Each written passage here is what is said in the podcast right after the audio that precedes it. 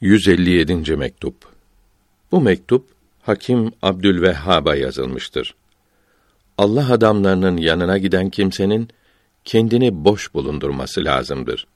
Böylece dolu olarak döner. Her şeyden önce itikadı düzeltmek lazım olduğu bildirilmektedir. İki kere buraya kadar yoruldunuz. İkisinde de çabuk kalktınız. Sohbetin haklarından birkaçını yerine getirmeye vakti olmadı. Müslümanların bir araya gelmesi ya istifade etmek veya faide vermek içindir. Bu ikisinden biri bulunmayan topluluğun hiç kıymeti yoktur. Din büyüklerinin yanına boş olarak gelmelidir ki dolmuş olarak dönülebilsin. Onların acıması, ihsanda bulunması için boş olduğunu bildirmek lazımdır. Böylece feyiz, ihsan yolu açılır. Dolu gelmek, daha doldurarak dönmek iyi olmaz. Çok dolmak, doyduktan sonra daha almak hastalıktan başka bir şey yapmaz. İhtiyatsızlık azgınlığa sebep olur. Hace Nakşibend Kaddesallahu sırrı Hazretleri buyurdu ki, önce hastanın yalvarması lazımdır. Sonra gönlü kırık olan ona teveccüh eder. Görülüyor ki teveccühe, ihsana kavuşmak için yalvarmak lazımdır. Böyle olmakla beraber ilm öğrenmekte olan bir talip gelip size göndermek için mektup isteyince onun böyle gelmesini bir hak sayarak bu hakkı ödemek lazım olduğunu düşündüm. Geçmişteki haklarınızı ve şimdiki hakkı karşılamak için vakt ve hale göre birkaç kelime yazarak gönderiyorum. Her şeyin doğrusunu Allahü Teala bildirir. Herkesi doğru yola kavuşturan ancak odur.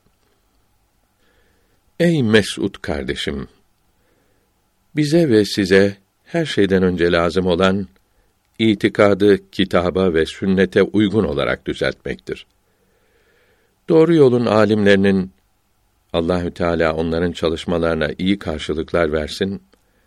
Kur'an-ı Kerim'den ve hadis-i şeriflerden anladıklarına ve bildirdiklerine uygun olarak itikad etmek lazımdır.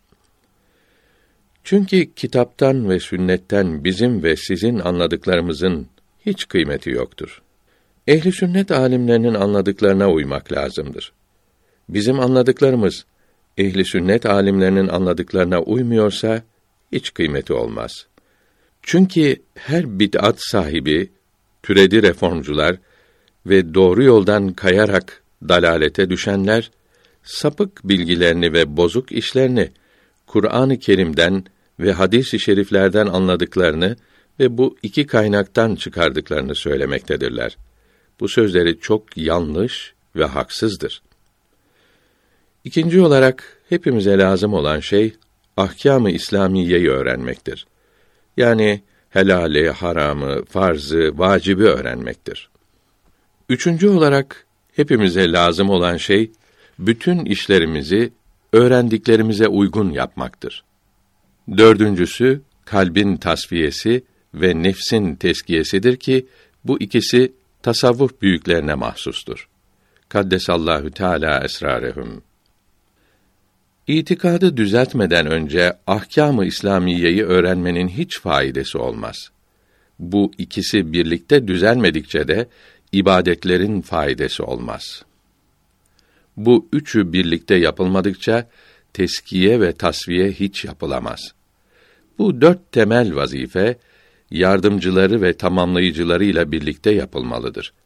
Mesela farzlar sünnetleriyle birlikte yapılmalıdır. Farzların yardımcısı ve tamamlayıcısı sünnetlerdir.